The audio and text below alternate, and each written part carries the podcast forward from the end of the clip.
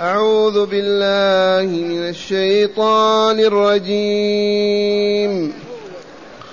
قل إنما أنا منذر وما من إله إلا الله وما من إله إلا الله الواحد القهار. سبحانه رب السماوات والأرض وما بينهما العزيز الغفار. قل هو نبأ عظيم. أنتم عنه معرضون. ما كان لي من علم بالملأ الأعلى إذ يختصمون. إن يوحى إلي إلا أنما أنا نذير مبين. إذ قال ربك للملائكة إني خالق بشرا من طين. فإذا سويته ونفخت فيه من روحي فقعوا له ساجدين فسجد الملائكة كلهم أجمعون إلا إبليس استكبر وكان من الكافرين بالله. أحسنت. معاشر المستمعين والمستمعات من المؤمنين والمؤمنات. تقدم في الآيات السابقة التي تدارسناها أمس وقبل الأمس بيان ما أعد الله لأهل الكفر والشرك من النار والجحيم والعذاب المؤلم وما أعد الله للمتقين الأبرار من جنات النعيم. وفي ذلك كما قلنا الترغيب والترهيب. الترهيب من سماع النار وما يجري فيها وما يتم لأهلها والترغيب في الجنة عندما تشاهد وتسمع ما يتم فيها من نعيم المقيم. وذو العقل السليم يرهب العذاب ويخشى ويخافه فلا يعصي ربه. ويرغب فيما عند الله من النعيم المقيم فيعمل بطاعة الله ليظفر بذلك ويحصل عليه. هذا ذو العقل. والذين لا عقول لهم أموات. هنا قال تعالى بعد ذلك قل إنما أنا أنا منذر. قل يا رسولنا المبلغ عنا صلى الله عليه وسلم قل للمشركي قريش كفار مكة قل لهم إنما أنا منذر. ما أنا بسلطان ولا جبار ولا أريد أن أستغلكم ولا أن أستخدمكم ولا أنتخذ منكم العبيد و. لا لا لا. ليست هذه مهمتي. أنا فقط منذر مخوف من العذاب في المستقبل. وهو كذلك. مهمتي لا أن أستعبدكم وأستغلكم وأكل أموالكم وأتحكم فيكم. والله ما هذا لي بمجال. فقط أنا منذر لكم من عذاب الله إذا سخط عليكم وغضب. ذي مهمتي وهو والله لكذلك الله أمره أن يصرح بهذا ولا؟ قل إنما أنا منذر. لمن؟ للبشرية كلها. لكن أنتم أول من ينذركم. أيها المستمعون على الشرك وعبادة الأصنام والحجار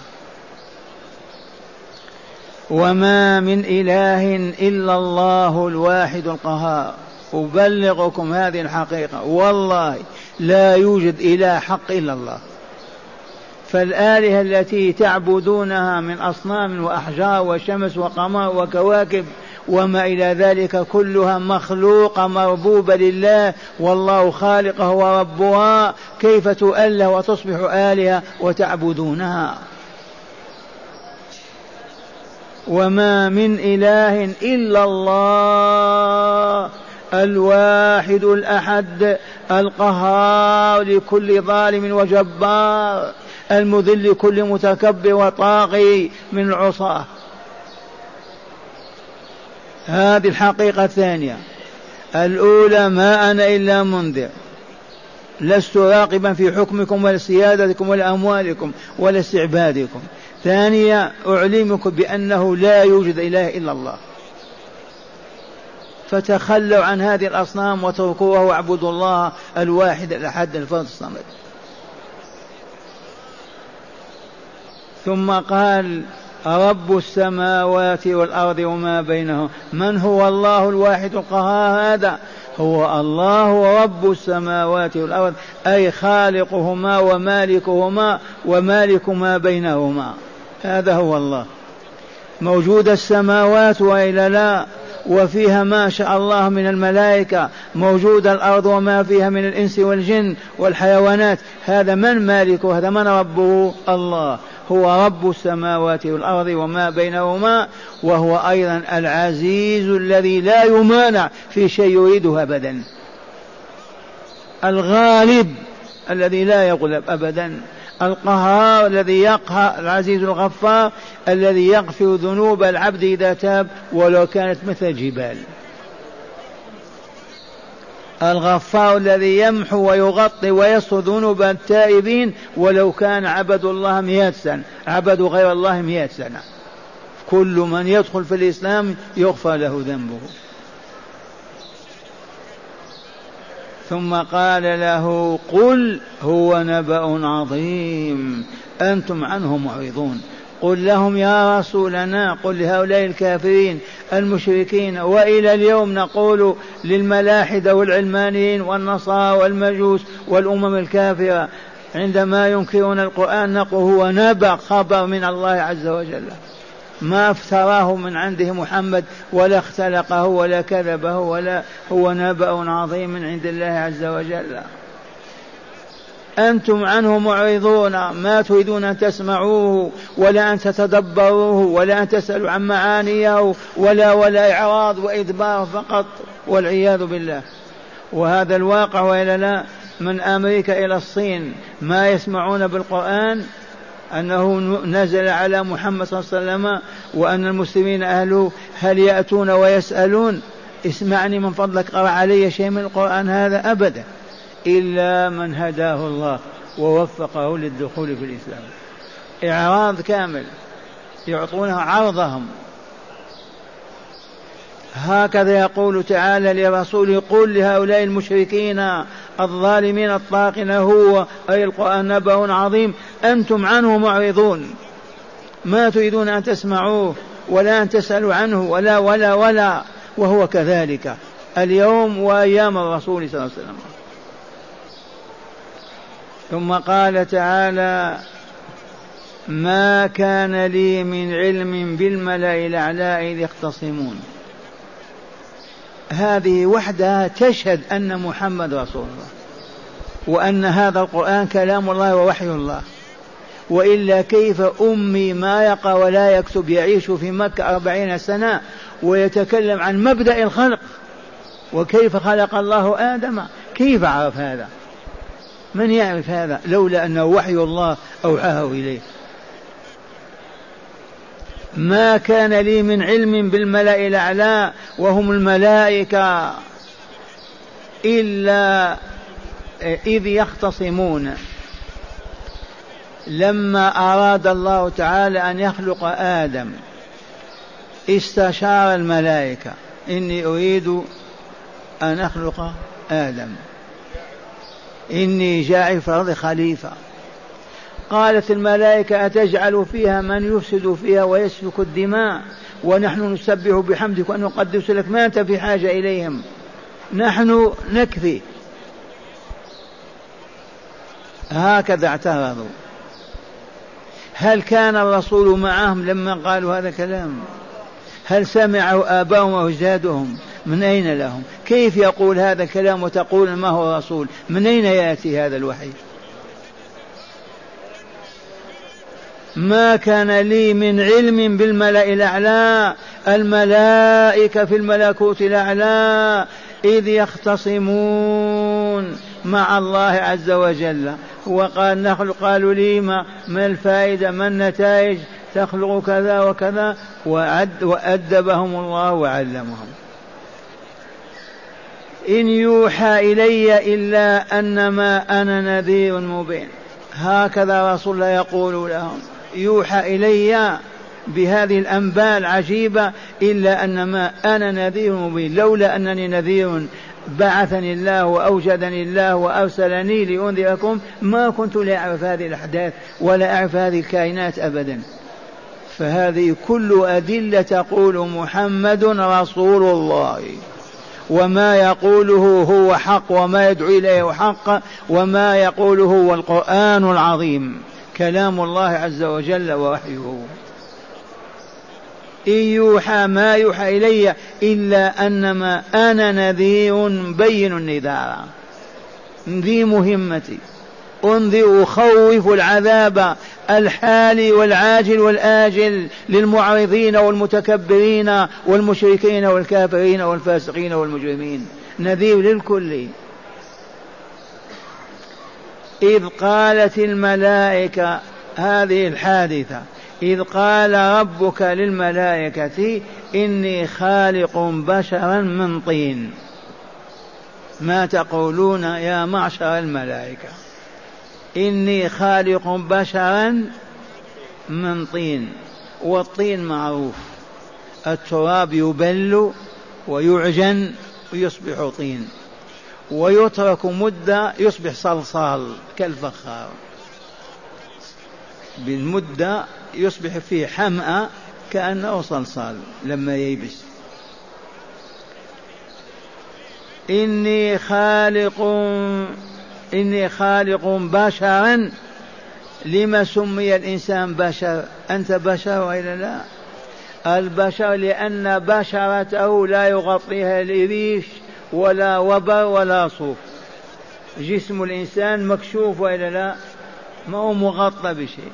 أما الإبل البقر الغنم مغطاة وإلا حتى الدجاج بريش. والإنسان بشرته مكشوفة. ما يغطيها شيء. إني خالق بشرا من طين من مادة الطين. وقد أضمر الله الملائكة وجمعت الطين وأصبح صلصال وخل وصنع الرب تبارك وتعالى آدم. ونفخ فيه من روحه. إني خالق بشرا من طين فإذا سويته واكتملت هيئة صورته ذاته ونفخت فيه من روحي. روحي التي هي ملكي ولا يملكها أحد. فقعوا له ساجد فخروا واقعين ساجدين. هذا السجود عبادة لله عز وجل وطاعة له. وتحية لآدم وتعظيم له. السجود عبادة. أمرهم الله أن يسجدوا سجدوا عبدوا الله وإلا لكن السجود لآدم من باب تعظيمه وإكباره وتحيته. وهذه عندنا نظيرها في مكة المكرمة المقام الذي نصلي خلفه ركعتين. من طاف سبعة أشواط وفرغ من الطواف ينبغي أن يصلي ركعتين خلف مقام إبراهيم. إذ قال تعالى واتخذوا من مقام إبراهيم مصلى وقراءة سبعية واتخذوا من مقام إبراهيم مصلى فهذه الصلاة لمن؟ لله. وكونه وراء هذا الحجر تعظيم لهذا الحجر واعتراف بما قدم. لأن إبراهيم بنى به البيت وأكمل البناء بواسطته. فعرف الله له ذلك فجعل أعظم عبادة تقع عنده. فالسجود فالصلاة لله وإلا لا. ولكن الحجر فاز بهذا وإلا لا مقابل أنه قدم لله خدمة عظيمة. ساعد إبراهيم على بناء البيت. كلما ارتفع الجدار كيف يصل إليه إبراهيم؟ لا بد من حجر يقف فوقه ويواصل البناء حتى أكمل بناء البيت. فالملائكة سجدوا لآدم طاعة لله عز وجل فهم عبدوا الله ما عبدوا آدم. ولكن تعظيما لآدم وتشريفا له أن وقع هذا دونه. فسجد الملائكة نعم قال فإذا سويت ونفخت فيه من روحي فقعوا له خروا ساجدين. فسجد الملائكة كلهم. في الملكوت الأعلى والملكوت الأرضى ما بقي ملك خلقه الله إلا وسجد. فسجد الملائكة كلهم. ملائكة السماوات وملائكة الأرض. الكل خروا ساجدين لأمر الله تعالى. تعظيما لهذا المخلوق الذي أراد الله خلقه. فسجد الملائكة كلهم أجمعون. إلا إبليس استكبر. إبليس عليه لعائن الله وهو الذي يفتن البشرية ويمزق فيها ويشتتها. هذا العدو هو جني من الجن وخلقه الله تعالى من النار. تعرفون النار وإلا لا موجوده في الحطب والخشب. هذه النار خلق الله من الجن. البشر آباؤكم وأمهاتكم وأجدادكم من أين؟ من الطين. الملائكة من أين؟ من النور. لا بد من معرفة هذه الأصول الثلاثة. الملائكة مادة خلقهم من النور. الجن مادة خلقهم من النار. البشر مدة مادة خلقهم الطين التراب. إلا إبليس استكبر قال كيف أسجد لمن مخلوق من الطين؟ تبهتم مخلوق من الطين نسجد له نعظمه ونكبره مخلوق من الطين. أنا أفضل منه أنا خير منه. قالت العلماء هذا القياس فاسد. وكثير ما يقع الناس في الفساد في القياس. ما يصيبون. لما فسد؟ لأن مادة النار ملتهبة محرقة تدمر ومادة الطين تنبت. ماذا؟ البقول والحبوب والثمار. أيهما خير؟ النار إلى التراب. أخطأ في قياسه ما أصاب؟ قال أنا خير منه خلقتني من وخلقته من طين. فرأى أنه أفضل من آدم لأن آدم مخلوق من الطين وهو مخلوق من النار. أي النار أو التراب أفضل؟ أسألكم بالله. التراب حياتنا متوقفة على ما فيه والنار تحرق وتدمر وإلا لا. فأخطأ إبليس في قياسه الفاسد. إلا إبليس استكبر وكان من الكافرين. كفر. رفض طاعة الله كفر. كل من قال لا أصلي كفر. لا أصوم كفر. لا أعترف بحجاب المرأة كفر. لا كل من يرفض أمر الله كفر. إبليس كفر ماذا فعل؟ وكان من الكافرين رفض أن يطيع الله في سجوده لآدم.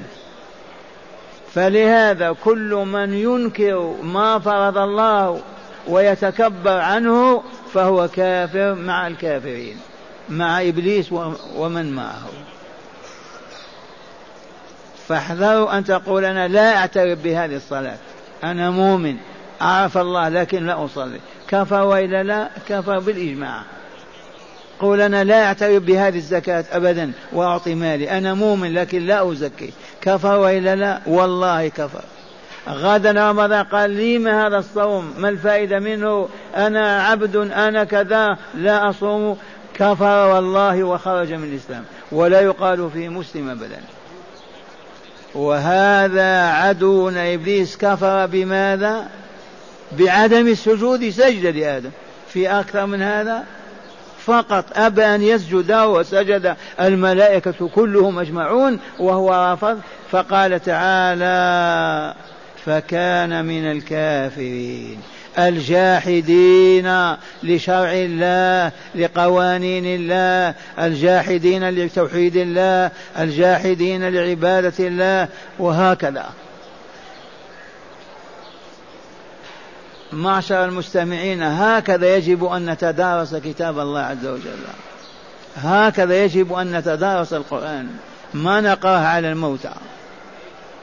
أرأيتم لو كان أهل القرية أو أهل الحي في المدينة يلتزمون بحضور صلاة المغرب كل ليلة بعد الصلاة يجلس لهم عالم بكتاب الله وسنة الرسول ويتدارسون هكذا. أسألكم بالله عام واحد يبقى جاهل؟ وإذا لم يبقى جاهل يبقى فاسق؟ والله ما يبقى.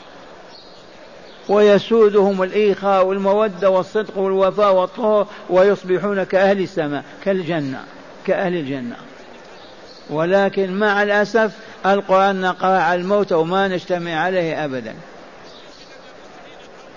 أهل القرية ما وجدوا من يعلمهم يطلبون من العالم الإسلامي. نريد عالما بالكتاب والسنة ابعثوه لنا ليعلمنا ونجتمع عليه طول العام من صلاة المغرب إلى صلاة العشاء. تدون هذه الكلمة؟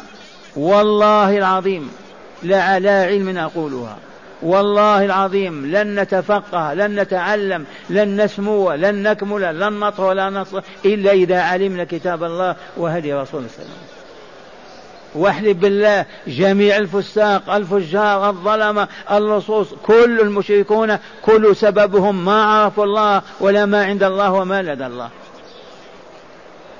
فلهذا يجب أن يقوم بهذا الدعاة الحكام يصدر الأمير أمير القرية أو شيخ القرية يا أهل القرية يوم الجمعة يخطب. اسمعوا من الليلة ما يتخلف واحد ولا مرأة ولا ولد عن المسجد. يحضرون وإلا لا؟ يحضرون رغم أنوفهم يومين ثلاثة أربعين يوم يصبحون ربانيين. لو يطردونهم المسجد ما يقبلون. أبدا ولا يرضون أن يتركوا المسجد. من يفعل هذا إلى الآن نصرخ ما وجدنا من فعله. وقلت غير ما مر لو أن أهل قرية أو حي من المدن أقاموا بهذا والله لنحجهم. نزورهم كزيارة الحج. نمشي لهم سواء في الهند وإلا في الصين وإلا في الأمريكان إن استطعنا إذا لنشاهد أنوارهم ونقضي معهم ساعة. ما تمضي سنة إلا وهم كالملائكة في طهرهم وصفائهم. على شرط أن يحضر النساء والرجال والأطفال. النساء وراء الستاير الأطفال صفوف دونهن الفحول أمامهن وهكذا. يجلس لهم عالم بكتاب السنة ليل آية يرددها يرددها حتى يحفظوها نساء ورجالا. ثم يشرحها ويبين مراد الله منها ويضع أيديهم على المطلوب. إن كان واجبا قال التزموه كان حراما قال اتركوه كان عقيدة قال اعتقدوها وهكذا. عام واحد وإذا بهم ربانيون أولياء الله. ولكن مع الأسف والآن مع هداية الآيات. بسم الله والحمد لله والصلاة والسلام على خير خلق الله سيدنا ونبينا محمد وعلى آله وصحبه. من هداية هذه الآيات أولا تقرير التوحيد بأدلته. أولا من هداية هذه الآيات التي تدارسناها الآن من هدايتها تقرير التوحيد وأنه لا يستحق أن يعبد إلا الله. وأنه لا معبود بحق إلا الله. فلا يصلى ولا يصام ولا يزكى ولا يتصدق ولا يركع ولا يسجد ولا يركع ولا ولا إلا لله. فلا يدعى ولا يستغاث به ولا يستعاذ به ولا يسأل ولا يطرح بين يديه إلا الله. هذا هو التوحيد.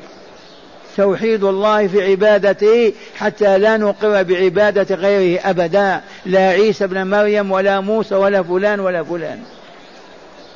إذ كلمة لا إله إلا الله تمحو كل الآلهة وتبطلها وتبقي الله فقط هو الإله الحق. فلا يستحق أن يعبد إلا الله. ولهذا كثيرا لما عم الجهل يا سيدي فلان يا مولاي فلان أنا في كذا يدعون غير الله يستغيثون بغير الله. والله إنه لشرك والعياذ بالله. ولا لوم ما علموهم ما عرفوهم ما هدوهم من يهديهم من يعرفهم من يعلمهم. هبطت الأمة من علياء السماء. فضجت وصاحت وابت إلا أن تبقى كما هي. هاتي. ثانيا تقرير النبوة والوحي بشواهده من نبأ الملأ الأعلى. تقرير النبوة والبعث الآخر. أي الرسول النبي محمد رسول الله حقا وصدقا. كيف هذه الآيات على من نزلت؟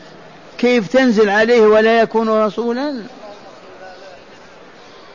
هذه الأخبار الغيبية تدل على الجنة والنار والملكوت الأعلى وإلا لا فهي تقرر التوحيد وتقرر لقاء الله عز وجل والبعث الآخر. نعم.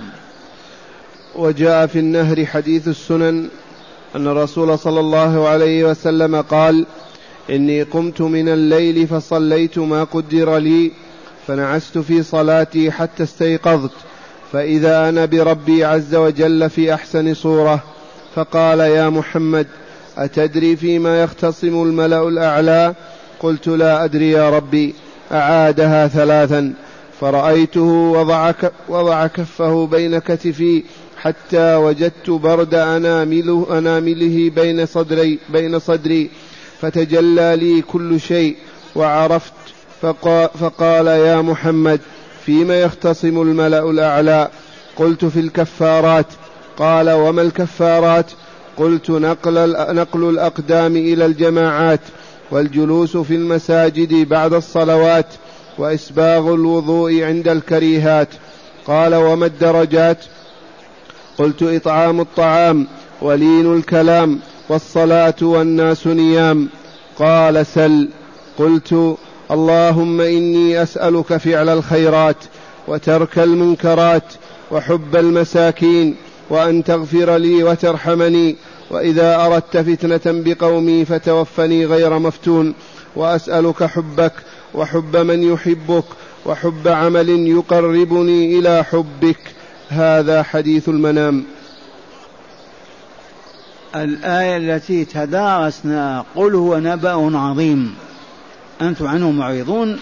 هو ما حدث للملائكة في الملكوت الأعلى. تبهتم إذ أمر الله الملائكة أن يسجدوا لآدم. فترددوا فبين لهم فسجدوا ورفض إبليس السجود فكفر بذلك وأبلس من رحمة الله. هذه هي الآيات. يرون بعض هذه السنن انتبهت؟ قد تدل دلالة أخرى على أن النبي صلى الله عليه وسلم رأى ربه في المنام وقال كذا وكذا. أما الآية لا علاقة لها بهذا. ثالثا عداوة إبليس لآدم وأن الحامل عليها الحسد والكبر وهما من شر صفات العبد. ولهذا معاشر المستمعين والمستمعات من المؤمنين والمؤمنات. نحذر كل الحذر أن يوجد في قلوبنا حسد لمؤمن ولا مؤمنة الحسد من أخطر أنواع الظلم والعياذ بالله. الحسد شر ما يكون من الصفات. والحاسد يعترض على الله. لما أعطيت فلان وفلان لما منعتني أو منعت فلان وهذا كفر والعياذ بالله. هذا كفر والعياذ بالله. الاعتراض على الله كفر. والحاسد معترض على ربه. وللحسد صورتان. إحداهما أقبح من الأخرى. الأولى أن يتمنى أن يكون ما عند فلان عنده هو. مال أو ولد أو دولة أو سلطان. وهذا حسد. الصورة الثانية القبيحة أن يتمنى زوال هذه النعمة عن فلان ولو لم تحصل له هو. والعياذ بالله. تمني زوال النعمة عن فلان ولو لم تحصل له هو. فلهذا نطهر قلوبنا نزكي أرواحنا من هذا المرض مرض الحسد والثاني الكبر والعياذ بالله. الكبر يمنع صاحبه أن يقول كلمة حق. يمنع صاحبه أن يخر ساجدا. يمنع صاحبه أن يعترف بما عليه من حق لكبر في نفسه. فنبرأ إلى الله من الكبر والحسد ونتبرأ الله منهما ونسأل الله أن لا يبتلين بذلك. نعم. وأخيرا تقرير أن من القياس ما هو شر وباطل كقياس إبليس إذ قاس النار على التراب فرأى أن النار أفضل فهلك بذلك إذ التراب أفضل أفضل من النار فالنار تحرق والتراب يحيي وشتان ما بين الموت والحياة. الله أكبر. من هداية هذه الآية تقرير أن القياس ينبغي أن يكون قياسا سليما صحيحا. وإذا كان القياس فيه خطأ هو والعياذ بالله ضلال وضلال. لماذا؟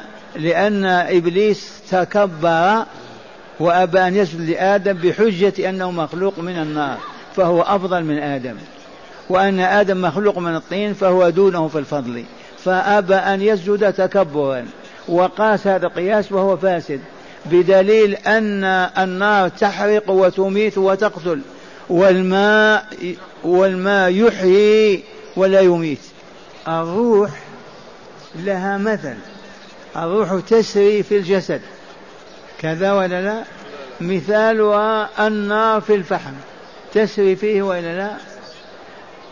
الكهرباء في أسلاكها روح تسري تدخل الروح تدخل في الإنسان حي سلبت منه مات